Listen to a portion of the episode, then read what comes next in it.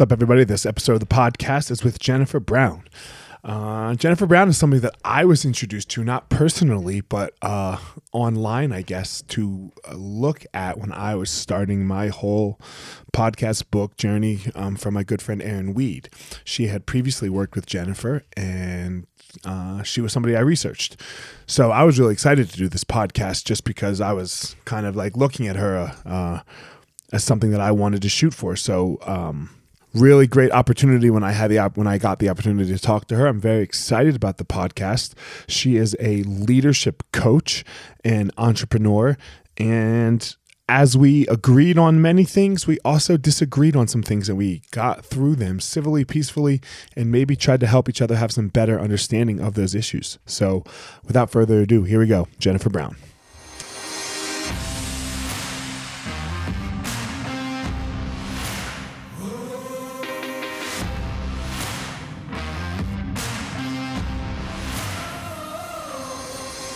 What's up, my ninjas? This is former UFC fighter Elliot Marshall, and this is the Gospel of Fire, where we are going to learn how to go into the fire so that we can find our power and live the best life possible.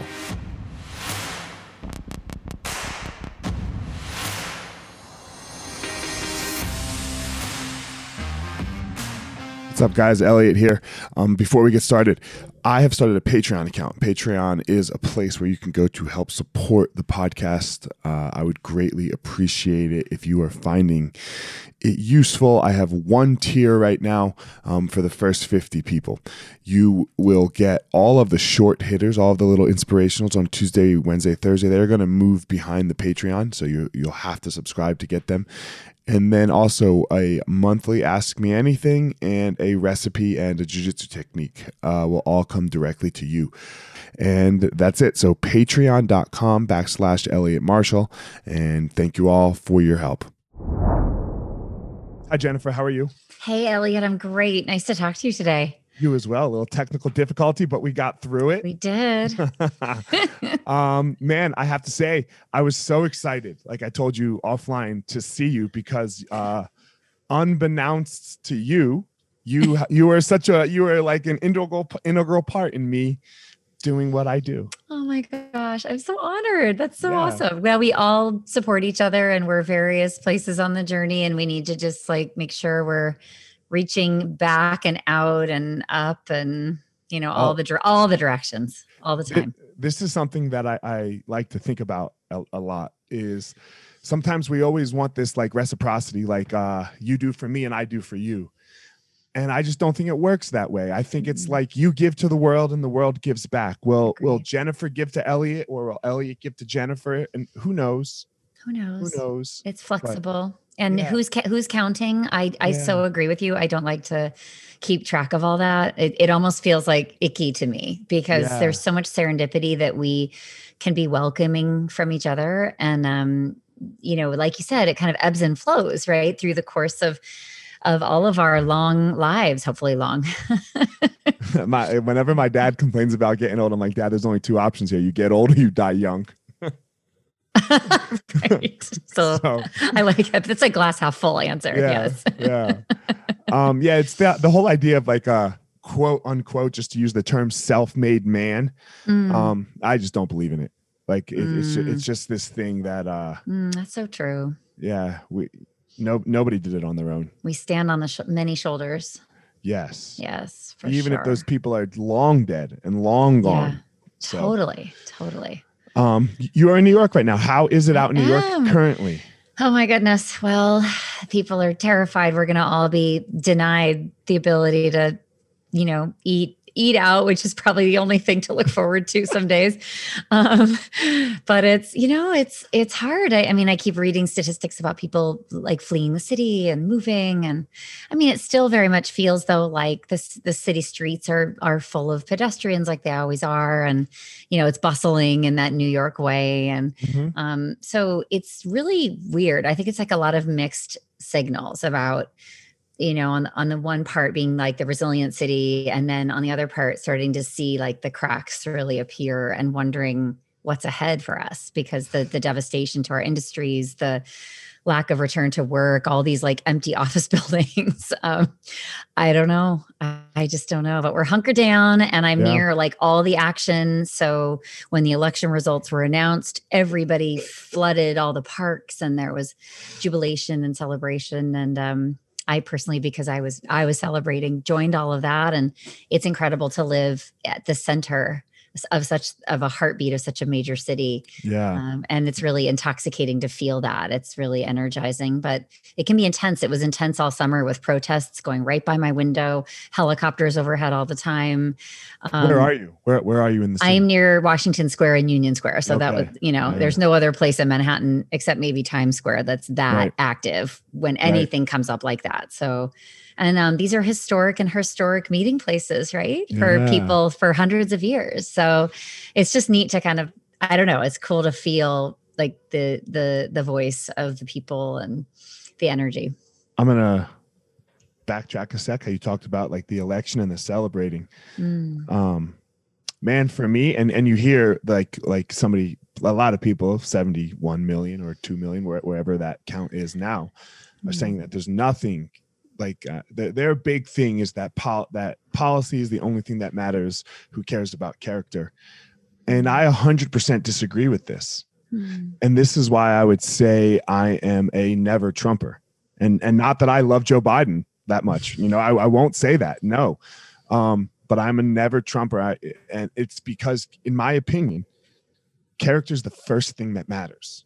Mm. it's the number one. Like if you don't have good character then how in the world can I can I point my child to to watch you or look sure. at you or any of these things? Now, look, policy matters too. Obviously, like no one's going to disagree with with that, right? You like, you know, my kid's a really good kid, but he has no policy, so he can't lead the country, right? you know, but so policy matters. But the number one uh disqualifier for any leader at any point, I know leadership is your thing in your field for me is character. Mm. And like, I guess I might say character according to whom. I mean, so many things in life are subjective. Yes. So the older we get, the more we realize we see, and the world we live in now, it's like filtered through our lens. And this is part of the problem of our inability to see the world through other people's lenses and our unwillingness to see it through other people's lenses too. So I'm always like integrity is another word um, right. that I think what does that mean person to person it's there's no universal meaning of it. I'd like to think there would be. I'd like to think everybody else's definition is like mine. Of course i would. But i also have to acknowledge that um you know it looks different from wherever you're sitting and which makes it hard to sort of empirically you know teach i guess a you know what i would consider maybe a more fair and just world and and work on creating a better workplace for all of us to thrive. You know we have to find what's true um, evidenced by data. And then you know i have to somehow sort of my work is to pivot organizations to see what's what's true for them in the business world um, which i think is funny funny enough like a lot more clear i think in many ways than the social issues that you and i are talking about. I mean it's it's the what is unambiguous is that the world of consumers and customers is changing. The buying power the hands that the buying power is in and the amount of buying power in certain communities of identity that are not white and not male and not of a certain age like all of that is changing right? And then so we have these companies that are you know selling into that world and that's where i focus to say does the workforce look like the world? And does the workforce like enjoy and thrive being in that workplace which is a question of what does the culture feel like every day? Does it feel like a place where all of us, regardless of our identity, can feel like we belong? So that we can stay and create those products and services for that diversifying world. So what what I just described is what we often use as the business case in my world, which is this very rational, grounded, concrete. Um, I think sort of almost you know it's a return on investment argument for what we talk about, and it's not really the moral argument because then you can kind of go down a rabbit hole of like all the subjectivity that I just identified. So it's really, it's really interesting. But um, I, I, I, I try to evaluate everything through that lens of acknowledging the subjectivity of how we all see the world and then how can we somehow come together given that we have such different lenses? And that's um that's the challenge. Yeah. So you said it at the beginning and then you said it there at the end. We all have different lenses. Yeah. Um i want to hear about your lens what oh what, what a great what- question yeah talk to me about your Oh, my lenses. Yes. Well, uh, I grew up very affluent, very safe, tons of educational opportunities and support and um, encouragement. where'd you grow up I grew up in Southern California. okay Uh, so I had tons of what we call privilege in my world, like a lot. Oh that know- dirty word that I know, it's a word, horrible word. oh that dirty It's a word horrible word. People But get so, Oh so sensitive about God, it. so Ooh. sensitive Yeah, but I I try to desensitize that when I teach and talk and just say look, we all have levels of privilege, you know? We all it doesn't is not all just male privilege or white privilege. There's like a hundred others, you know, that make our life easier and um, remove obstacles for us and speed us along versus or put obstacles in there for us Yes. like- so, oh, Yeah. for us. Yes. So we can learn to overcome them. Exactly. so, speaking of that, so I'll go back to my lenses yeah the challenges were for me as a girl and then Uh-huh. woman um, finding my voice was difficult because all i saw was the role modeling of my parents who have a very traditional relationship and i you know I, I couldn't follow either one of their paths and i had to find one that made sense for me um, and so i think that was really difficult because i definitely am a, a people pleaser and, and strived for perfection and, and accomplishment okay um, and that was how I was rewarded. And you know, again, it it it instilled in me the discipline that I need today to run a company and achieve what I achieve. But it was a very um, it was a very sort of strict and disciplined upbringing that didn't leave a lot of room for me to be the artistic part of myself or the to find my own path. Um, and then talk about lenses. I came out when I was 22, and I don't even know if you know this about me. I'm not sure, but i, I, do I yeah. So I came out. Um, i know um, all about you jennifer I- about I, me. did a lot of research on you so that was like you talk about a lens shift like Mhm. oh okay so just because i fell in love with this person now this means that i am now like ergo a part of this community that is marginalized and stigmatized and you know in real danger depending on where you are in the country and the world and you know can be fired in 30 states and all that fun all those encouraging is that statistics still true you can still be fired for being gay in 30 states it was just last June the Supreme Court finally ruled that that was, was illegal. But that was this year, June of 2020. Oh well at least Uh, something good happened in 2020 Yeah, right? Yes. well we I might think- have two we have two now sorry Yeah, but, yes, that's true. Hello. Agreed. Uh, so so coming out um that lens it gave me the opportunity you talk about privilege right so stepping out of privilege but but you never quite you don't lose the protections that your privilege give you so even as i kind of started to say wait a second like this is my community now that i belong to um, and i've i've learned to love that community and be so proud of it. And it's forged it's just forged so much deep understanding in me to not overcome my identity, but actually to understand what's involved in being all of who we are in the world and the and the then the deck stacked against so many of us for so many reasons right? It just gave me a deep empathy um, that i joined along with being a woman in a male dominated business world right? So those are two what we might call you know stigmatized identities and lenses that i carry and um, i had a third i was also an artist so i came to new york to be an opera singer okay uh, yep I so know uh, that. I didn't. yeah so that was um being an artist and uh also was a bit of a stigma when i transitioned into the business world which by the way makes me so good at what i do but it would never be seen that way you know and particularly joined with being a woman joined with being somebody who's you know more and more out as lgbtq like the the stigmas taken together could really hurt my ability to build my business. So so those are those sides of me. And then my privilege lenses though are i think have been extremely I've, I've just grown to understand them so much better in the last couple of years and particularly this year.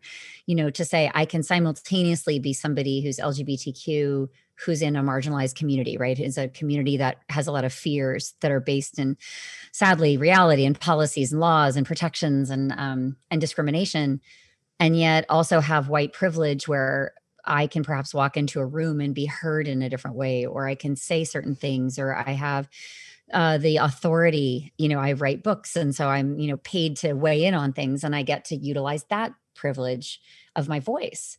And so, um, and by the way, when I was an opera singer, back to that, like I literally lost my voice, so I had to get a bunch of vocal surgeries to um, because I kept hurting my voice. Um, and sadly, you know, after a couple of those, it, it, was the writing was on the wall that I wouldn't be able to sing for a living. Right. And I wondered, like, well, how am I going to use my voice in the world? And so, and subsequently, many years later, I was meant to use my voice differently. And I think the universe said, you know what? No, you're not meant to sing. You might think you are, but you're not. You are meant to perform. You are meant to give voice to something and to someone but you're meant to give voice to the voiceless you know in general and then what ended up being my focus which is the workplace where you know gay people are closeted you know half of us are closeted at the workplace. Um the workplace is so many it's a place where so many of our biases show up and are worked through hopefully. Um and so just the the just the cool way that the universe leads you along to where it needs you to be and you just our job is i think to listen right and to heed it and to not take the changes of life too hard, but to always look for like, what is the clue on my path that I'm being given?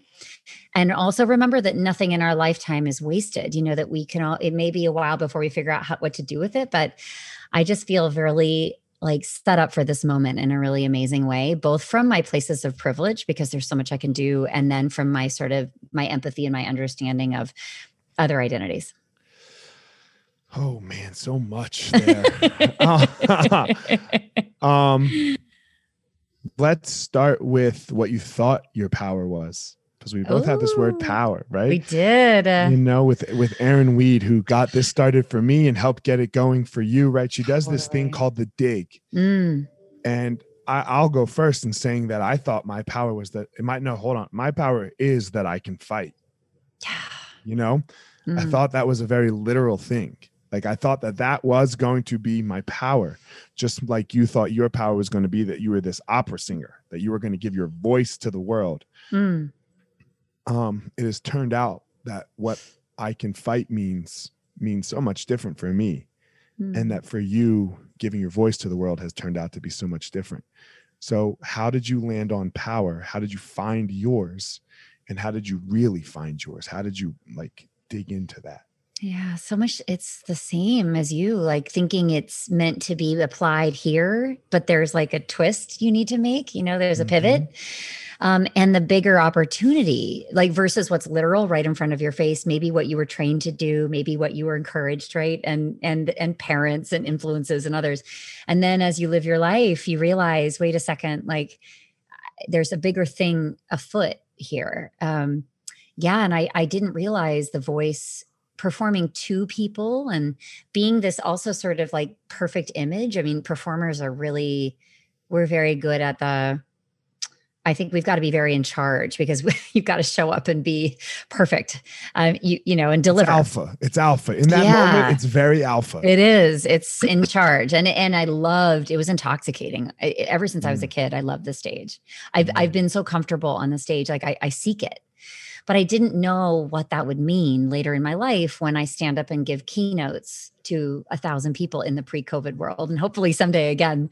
Let's now, do it again. Yes, let's do it again. now virtually, but um, the power, the power I practiced on that stage, just the content has changed so and the message is so much deeper mm-hmm. now for me it's so much more resonant so much more personal i think than any song written by someone else could have ever been i mean this song is written by me and it's written by not just me but all of us you know when i say i can give voice to something i am literally a channel i'm using my power to create the container for learning. And then all of these people that I've spent so much time learning from and hearing stories and I want to represent in the conversation come through me.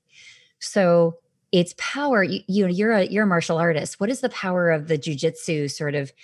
It's not brute force. It's it's working with and it's channeling and redirecting and re, you know shaping and um, you know using using the power available to you even if it's not yours but but taking that and kind of filtering through something and giving it back to the world in a different way like that some of us are very gifted at doing that. So it it's it's fascinating that it, it, it might be alpha. I mean and i feel still very alpha when i stand on a keynote stage and people are like we need to learn what she knows because we are bad at this that's that's an incredible place to be it's uh, it's so i can't there's like no words like it just feels right place right time right message right person i mean i am the right I know that I am meant to be in that spot in those moments. Um, so yes, it's powerful. It's centering. It's super grounded, um, and I just could never have predicted it. Um,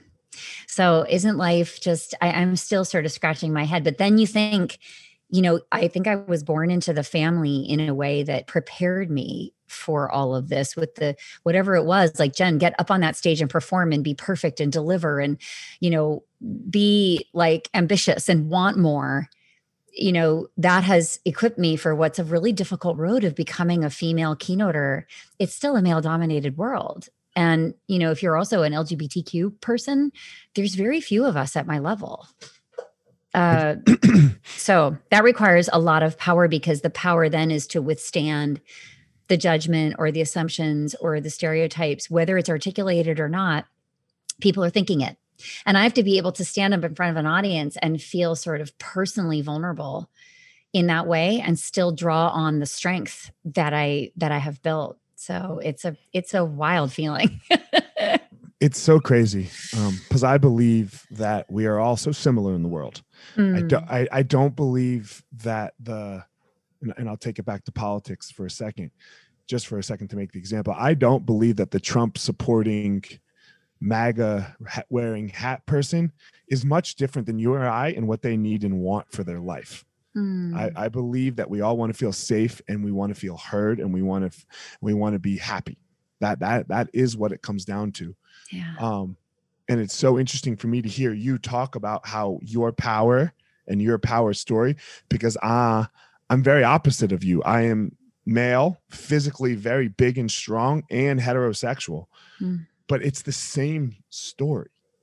Like mm. there's no difference. Like, okay, yours was opera singing and mine was cage fighting. But that that piece doesn't even matter.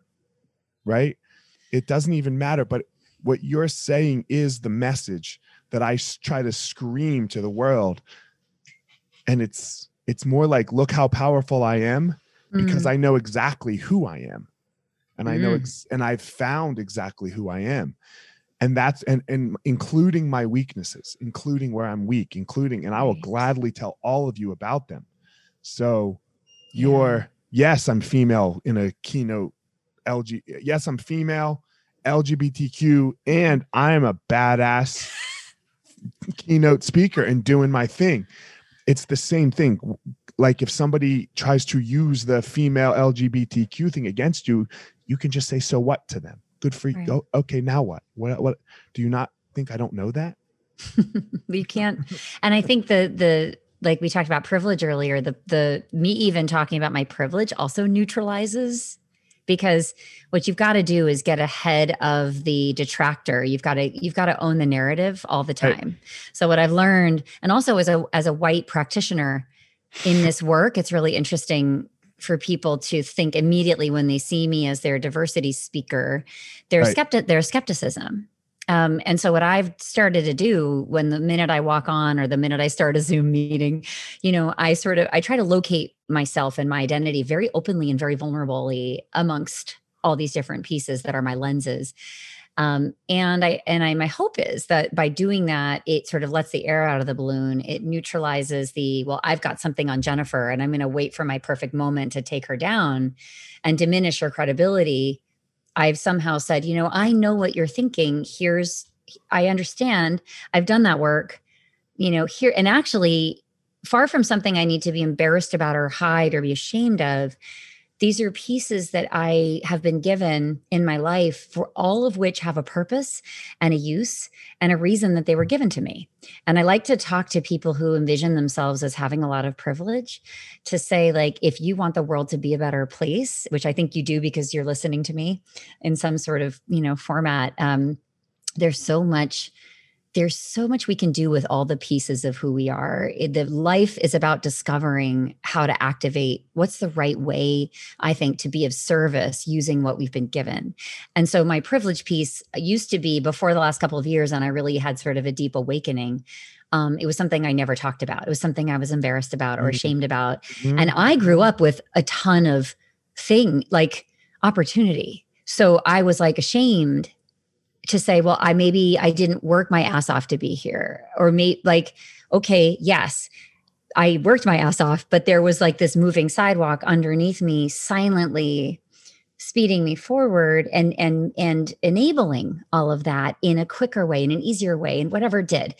So I'm so appreciative of that and so if i feel like if we could kind of de-weaponize this whole conversation and instead think about like so where what kind of family were was i born into what was um, what was easier for me it's not that we didn't work hard to achieve what we have but it is that now particularly after 2020 it's like the time to really think about like what role do i want to play in like looking at that playing field critically and being a part of leveling it and that you know, that's what I try to call people to. Um, and, and we'll, we'll see. Yeah. And at the same time, someone who's the opposite of you, someone who is born in, in the ghetto, let's say, or, you know, in, in, mm. in the inner city. God, they got to figure out how to turn that into a privilege. They have to like, like when you talk, when you talk to the human, I believe mm-hmm. we, look, mm. I'm, pri- I'm privileged as well. Mm. Okay. Uh, we as the privileged need to do everything we can to equalize out the opportunity for for people in my opinion this is my opinion in my lens i guess. Now if i were ever speaking to a underprivileged person i don't think that i don't personally speak to the message about how underprivileged they are is. The message is oh yeah you can do this you can do this right so i don't understand why we can't play both sides of this coin we can uh, yeah and that's what yeah. needs to be done right uh, we don't have to shame the privileged or the mm. underprivileged it, it's about building each one up in a way that allows them to work together Imagine empowering those with privilege to know what to do with their privilege, to activate around it. I mean, uh, imagine, yeah. imagine that. Imagine, oh, that was so amazing.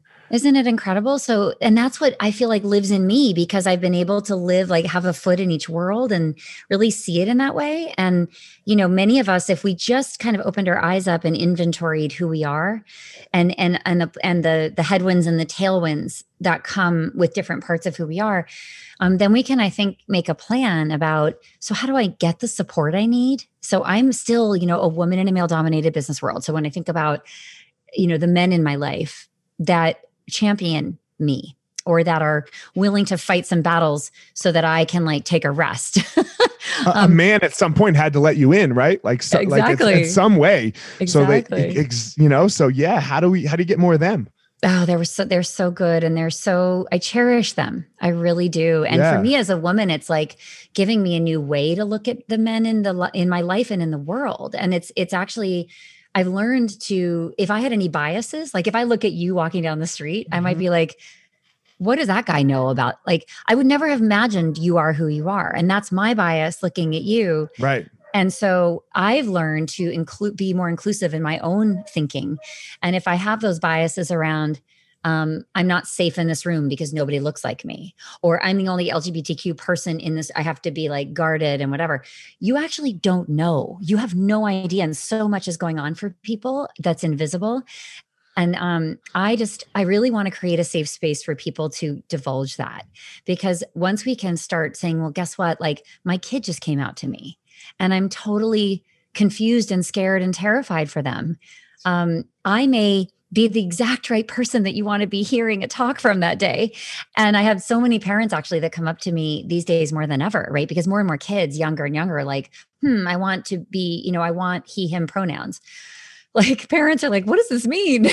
and then right. like I walk in and I I seem to have some answers and I present it in this non non-judgmental way uh, which is so it's also how it's how we talk about these things like like i think you alluded to it earlier just the it's the call out culture that has kind of permeated social media and others is extremely like judgmental. You have no space to make a mistake. You have no place for forgiveness. Um you you well i think this culture exists. Yeah it's, you know, unfortunately it's heavy, it's heavy. Know? yeah. I, I, think i think it's kind of partly why we have trump in my opinion. I'm like is because this guy screams how shitty he is hmm. and then there's this call out culture and i'm not saying it's the only reason uh, yeah. And then there's this call out culture that screams how perfect you have to be and you can't make a mistake. Hmm. And people go, Well, I can't be perfect. So, all right, fuck it over there. So I'm not going to try. And yeah. that's, that is like a tragedy. Yeah, I can't, exactly. I cannot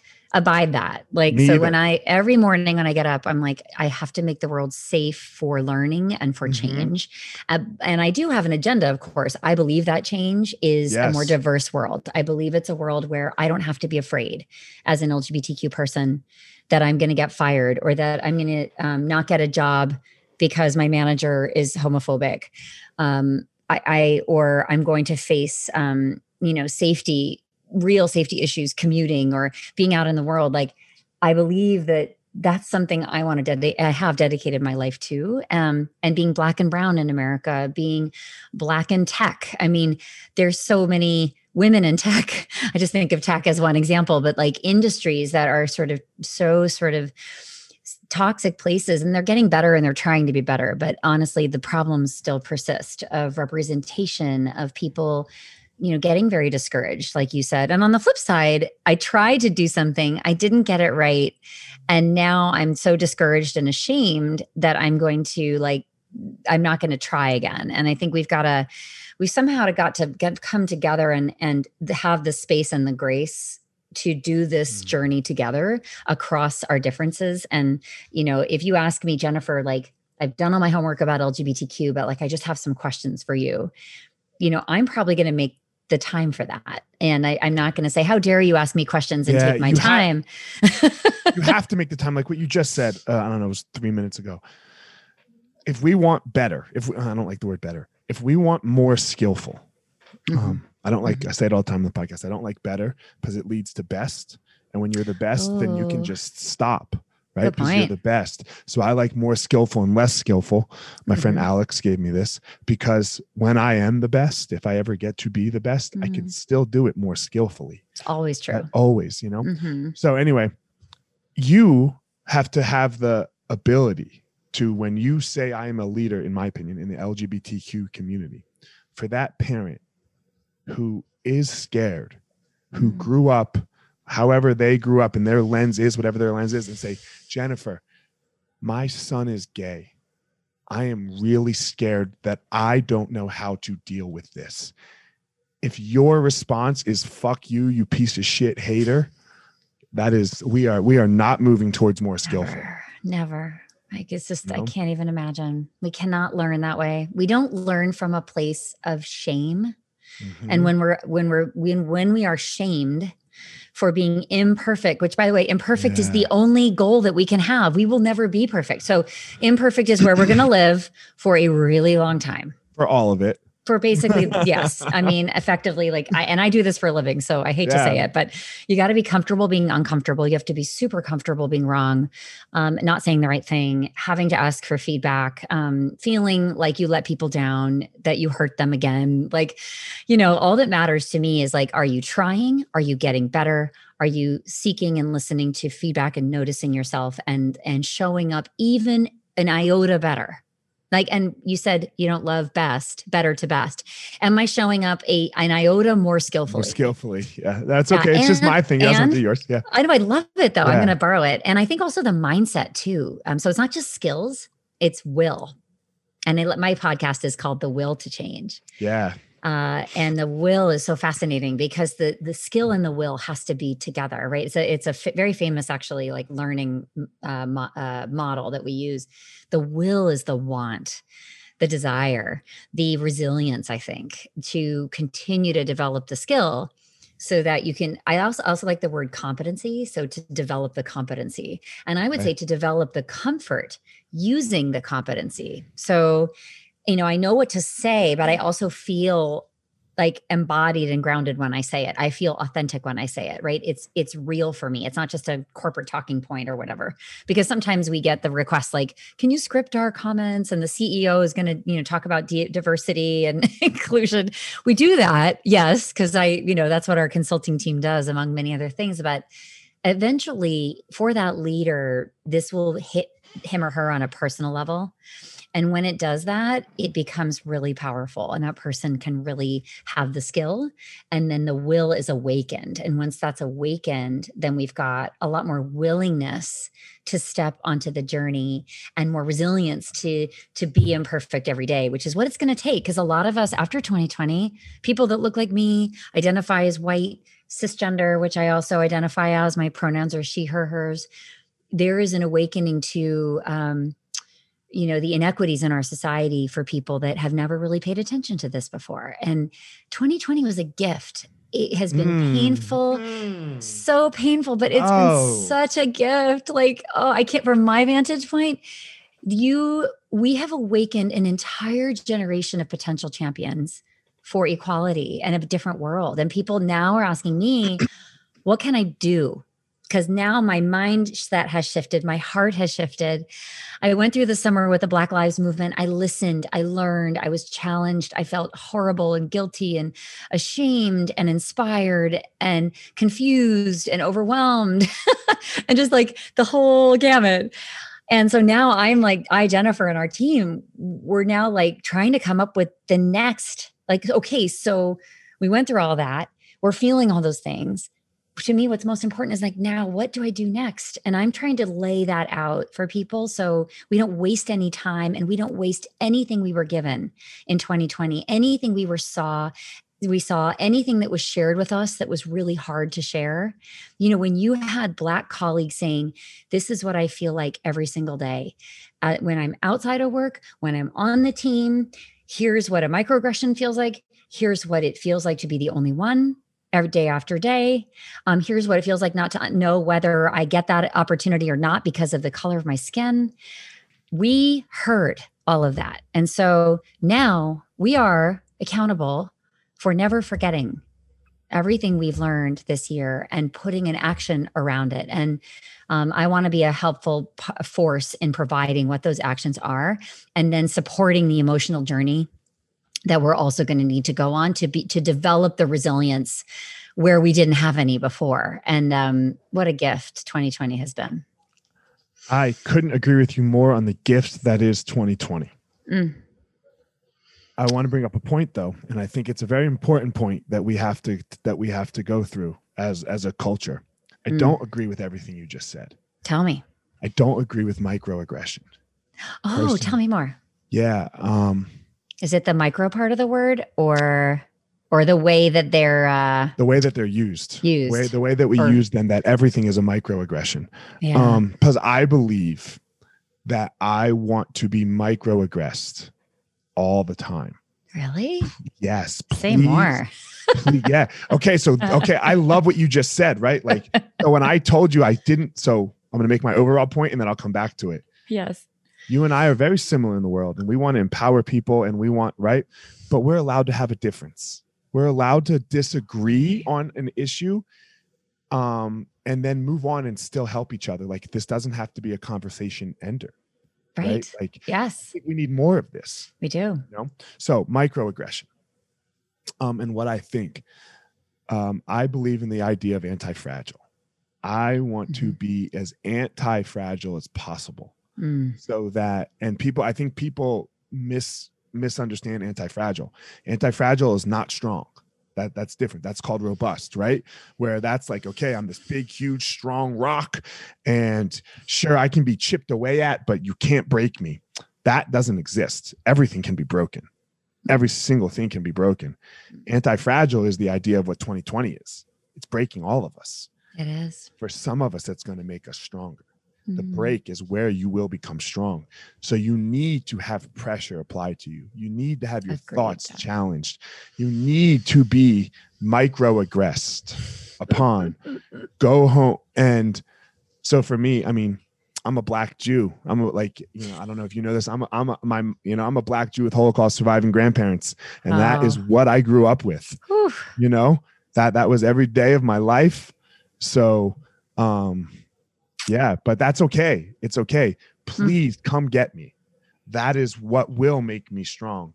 I love that. I feel like your UFC-ness is coming out in this too. Like, Yeah, it's a little bit of both, right? I have this, I have this like, I don't know what it is about me. I have this like, okay, let's go, let's go fuck Yeah. shit up. yeah, you want to be in the ring and you Yeah. want a really tough opponent Yeah. because you know that you fight better when Mhm. you've got the tough opponent. I mean, I think that's true with all With all kinds of of, athletic, right? Yeah. We raise our game when it when we are being pushed. Um, and then, you know, if we're like we injure ourselves or whatever, like then we get better and we we learn and we train differently. And so we get smarter. Wait, our body gets smarter. We be, we develop the the muscle fibers from injury, Eh, from not from injury, but from from uh from taxing and from- use. yeah, from use and push. Yes. Right. From push. So- exactly. So It's So, like the word toxic for me. Like when people say toxic masculinity, I mm, say no, that shit don't exist because that ain't masculinity. That's just not masculinity. That's not what masculinity is. So what you're defining as toxic masculinity is to me the antithesis of masculinity. It's the same thing with a microaggression. Mm. If you walk up to me and call me the N word and then a kike at the same time, that's not micro. That's not micro. Yeah, there's nothing That's micro macro. about it. right there's nothing micro about it if you don't give me a job because of because of those things again not micro that's macro if you treat me differently macro uh you know Mm. the microaggressions i think we all kind of microaggress a lot personally We and do. we have to learn how to speak to them know who you are so that we can move through that without like oh my god i'm so hurt from a microaggression that's my take on microaggression Yeah. Yeah, I hear you. I mean, often microaggressions come from a place of just total ignorance. And so the way that we deal with them when we hear them is really a learning opportunity too. So if I say something like, for example, I don't ask somebody their, I'm just coming back to the pronouns thing. yeah yeah It's easy to do, but um, like I, if I refer to somebody as he, him, and I haven't had a moment to say, well, which pronouns do you utilize? Um, or if I, I don't, I ask, but then I misuse them and I forget and I use the wrong ones. uh-huh. You know, for some people who identify, you know, strongly with pronouns and it's very important to them, that can feel like a, a slight and it can feel like an oversight and it can feel that it's, um, it- it's sort of unimportant. It's unimportant to prioritize how somebody identifies. And so, or, you know, micro, it might be a microaggression in the sense of, in that one definition, I guess, of not knowing, not knowing to ask something, or I'm still building the muscle and I'm going to get it wrong. And I'm in, unintentionally going to microaggress because I'm a work in progress. Um, so and it's tricky because we are we are walking into the water with each other trying to learn about each other's identities without offending each other. But inevitably we're going to say things you know that are that are touchy that are that are landmines that we didn't know Mhm. were landmines. So the thing about the reaction to that is you have so many choices. You can call that person out shame them and ensure that they never try again because you know they feel so horrible and bad they're just going to go away.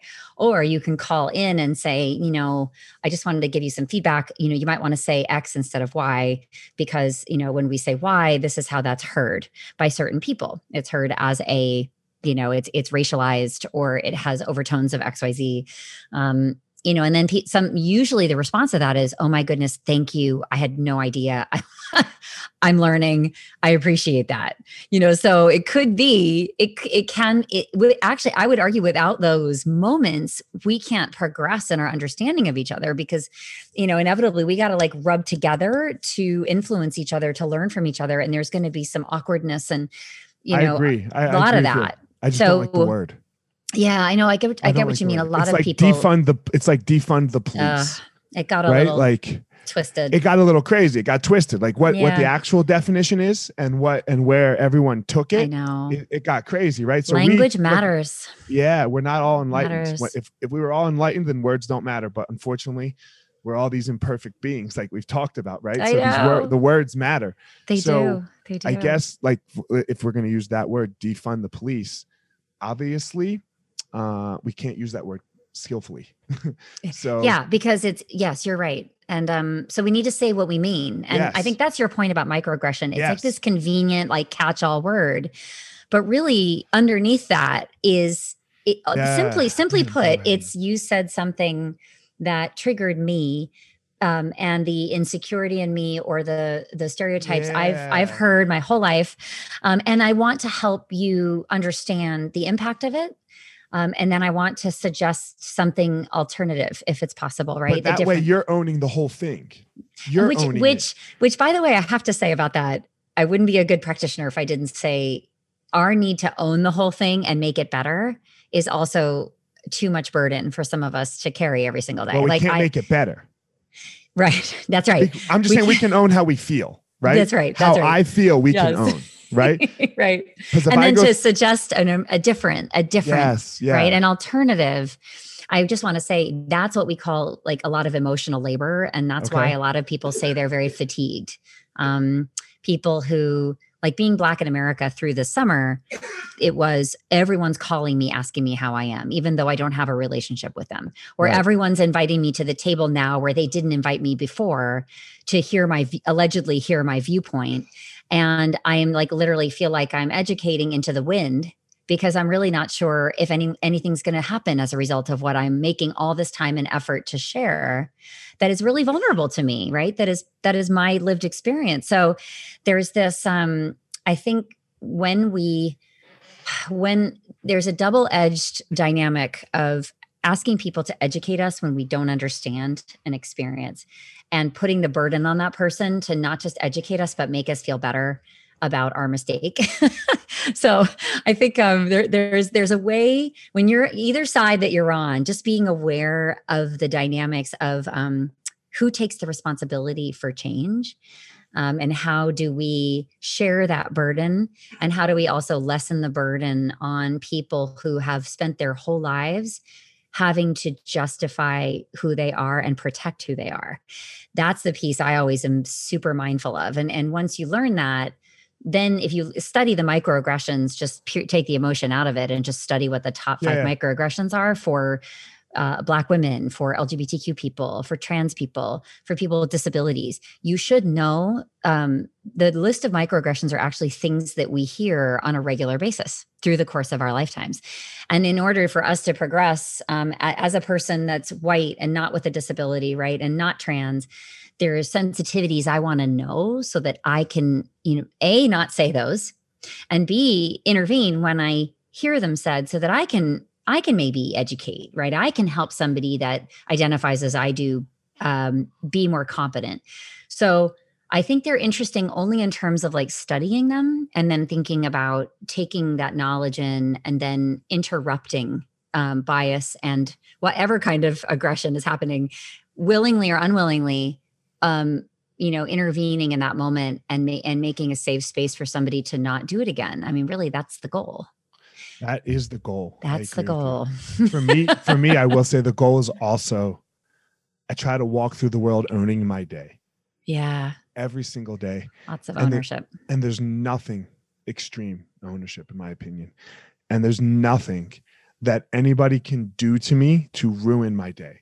Like i try to keep it really binary um i like that I it's like zero that. or one there's only two options my, day is a zero if someone that's really close to me that i love dies or gets sick Mm. other than that my day's amazing it's a hundred Oh, I love that attitude. Love and that's that. how I try to walk through the day. And I guess that can kind of be what scares me about the idea of microaggressions sometimes is that, and uh, we'll, we're just harping on a, small little thing here. It's important though. um, Yeah, it's important. Is that if I feel microaggressed all the time, it starts to take my It power wears away. Yes, it It wears on takes you. my power away. Mm. So I cannot be microaggressed. Like there's no fucking way that it just I, I won't allow it to happen. I'm aware of it. I try to um let's use the pronoun thing. Uh I don't understand it. I don't really get it, but it's Mhm. okay. That doesn't matter. If you, Jennifer, ask me to call you he, I'll call you he. I'll call you Mhm. whatever you want. I don't really care. Right? Like that like I'm talking to you so therefore I'll do it. I want to have a good experience with you. Mhm. It has it almost has nothing to do about you. It has to do with my experience with you Right. therefore i have to work on this so i guess that's my only like it doesn't matter whether I agree or don't agree with something. What do I want? What do you I want? You want to enable somebody to feel seen and heard. Yep. I That's around you. That's I it. want, the- I want to empower people. That's all. and I it's not wanna do. about like agreeing or not agreeing morally. I mean, I wish people would just throw that away, but they won't. they won't. But in the workplace, you're like, okay, so you have a team of diverse individuals. Like, do Mhm, you want the mhm. best performance? And performance is created by the psychological safety Yes. that and trust that underlies performance. So psychological safety is created when you see me and I see you and I respect who you are. I see who you are. I'm, I want to learn who you are. Um, and I want you to tell me if I ever address you or say something around you that makes you feel makes you feel smaller. And I know you said I refuse to be made to feel smaller, and I I get that. I actually think what you just described is a way we protect ourselves, which is nothing. I'm so powerful that it- things are just gonna they're gonna bounce off me. They're not gonna take me down. They're not gonna make me feel diminished. They're not going to make me feel less than. Um, yeah, I mean, I I wish all of us I'm could gonna, d- I'm gonna bite back. for carry that. They don't bounce off me. I internalize them greatly. I Mm. internalize them greatly, and then I do a lot of work. Oh, I do a lot. That's what it work. feels like then. Yeah. I mean, me too. That's what Yeah, I do. You, you do too, right? Because you know exactly who you are. That's what I'm saying. So I, you know, um, I think I hear them. I hear them, and I think to myself, "This isn't personal. yeah, This is a a lack of knowledge." Um, came, coming from a place of not knowing. And by the way, there's many things I don't know I do, about. So I can't sit on the mountaintop and say, How dare this person not know that? Can't do that because that's me in another circumstance. and then I can, if I can depersonalize it and say, what what's the opportunity in this moment to be most of service to this person, to myself, and to what we create together and what we're doing together. Um, I think that can inform. You know, we have that moment to make a decision about how we respond to things, and we have so many, such a like palette available to us. And I think your point is that's a microaggression, and you're a bad person. That is like the least productive way, like for sure, because it cuts everything off. It diminishes the person. It um, literally, I think, labels something, and and it professes to know like the intent behind something as well. And it's hard to discern somebody's true intent. What we can talk about is the impact on us. And I, I think of it as being very impartial and almost unemotional about it. Although, to your point, I totally take everything into Mhm. like completely. Me too. And you're I'm like this big fighter and Yeah. you're like soft inside. I'm soft. I'm Me too. softy. Like, Isn't that I- funny I- that our word is power, but we're like super like soft inside? I believe in the duality of everything. Yeah. The What softness makes- makes you powerful. That's the what makes me softness, powerful. the softness is not fight, fight, fight fire with fire is that was a microaggression. You're a bad person. That's the Right. fire. Right. The soft approach is actually, I think, comes from a deeper power. And the deeper power is I'm going to sit in this space right now with this in this moment. And then I'm going to think about the the generosity of spirit that I can have right now and the opportunity with another human to shift something. That is a totally different lens to carry with us through the world. Um, it's not a judgmental one, like you said. Like when I look at people who voted a certain way, like I think the common humanity, I think about the fears that we share. They may be different fears, but we're all fearful. Yeah. We're, you know, we we Oh, want to be able to be safe in the world. We want to feed our families. We want to be able to work. Um, you know, there's some of these things that I think we we can have tremendous empathy for. And if we could politically and socially come around that, then we could build together to something that, you know, solves problems for all of us, you know, regardless of where we're coming from. So I I I love it. I love where this went. This is like really uh hmm. Bef- before we close it up, I want to ask you, what's your power? What is your power? Mm. I think it's to get people to trust me and listen to me and make things inc- extremely doable. Um, so and and and the belief in the person that they can do this. My I think the the ability to inspire and say I believe you're capable of that. This is within what you can do Right. um so it's the it's a it's a blend i think of the the teaching i do the the way i can distill certain things and then the way i make people feel about their ability to the empowerment to Yeah. to change, to grow, to like you said, increase skills, um, shift mindsets. Um, I love be better to be best. Um, I have to think about that, but to I would say instead to grow. Yeah. I love the idea of growing and Yeah, expanding. me too. It doesn't end, right? No, it's and you've got to love the journey because it's not about the destination. And we as a culture obsess about destinations. But honestly, I think that the journey is so rich and should be like a reward in its own right. It's the only thing that matters. Yeah. So, Jennifer, Okay. um, that was an amazing podcast. It was as good as I thought. So it was going to be. Uh, I liked how we agreed. I liked how we disagreed on Mhm. some things, and I liked. Uh, I just enjoyed my hour and twenty minutes, whatever. Very much. I've So, never done such a deep dive on microaggressions, and your take on it is is really enlightening for me. Um, and actually, I think you and I we probably do the same thing. Yeah. I think. Yeah, I think so. Yeah, yeah, yeah, for for sure. so even though we see the word differently, I think we do the same thing. Yeah, we do. You know? we do. and I think more conversations like this that we can have with people that we've met, people that we've never met, like you and I. Um, I think that that that's what's going to get us out of this. That's what's Mhm. going to really help us. So I really appreciate everything. Uh, well, I don't know everything that you do, but I really appreciate that you spent this last hour and a half with me. So Oh, thank you so much. Um, tell everyone where they can reach you if they're looking for uh, further follow up. Yeah, thanks for asking. So I have two Yeah. books. Uh, the first is called Inclusion 2017, and the second is called How to Be an Inclusive Leader. I've been told it's a quick read and very practical. Um, I have a podcast called The Will to Change, speaking of will. And I am in social media at Jennifer Brown on Twitter, at, Je- at Jennifer Brown Speaks on Instagram. Uh, if you are a corporate person or a person in an organization and you think you need the help of some expert uh, colleagues. Uh, My team is amazing. So you can read about us at jenniferbrownconsulting.com. And um, I think that's all the goodies. Okay. Well, guys, as always, Jennifer has her unique power, and I have my unique power. Don't go out in the world and try to be Jennifer, and you don't go out in the world and you try to be me. You go out there and you find your own power. All right, everyone, thanks for listening to this episode of The Gospel of Fire. If you enjoyed the episode, I'd love a review on iTunes or wherever you are listening to this podcast. Don't forget to follow me on social media at Fire Marshal 205. If you are a BJJ enthusiast, check out my YouTube channel. I put all kinds of instructional DVD uh, videos out on there, so go check it out. My book is still out on Amazon by the same name as the podcast, The- Gospel of Fire. So if you are interested, go check out that. And most importantly, guys, go out there every day, find your power. Thanks a lot. Guys, look, I get it. I totally get it. You opened a martial arts school, and man, it's kind of crushing you. There's all this other stuff to do other than teach, right? You love teaching. You love jujitsu. You love Muay Thai. You love karate. Whatever it is you're you're teaching. And man, but there's all this other stuff. There's there's the front desk. There's there's taxes. There's curriculum. There's cleaning. There's there's problems, staffing, covering. Whew, man, it's so much.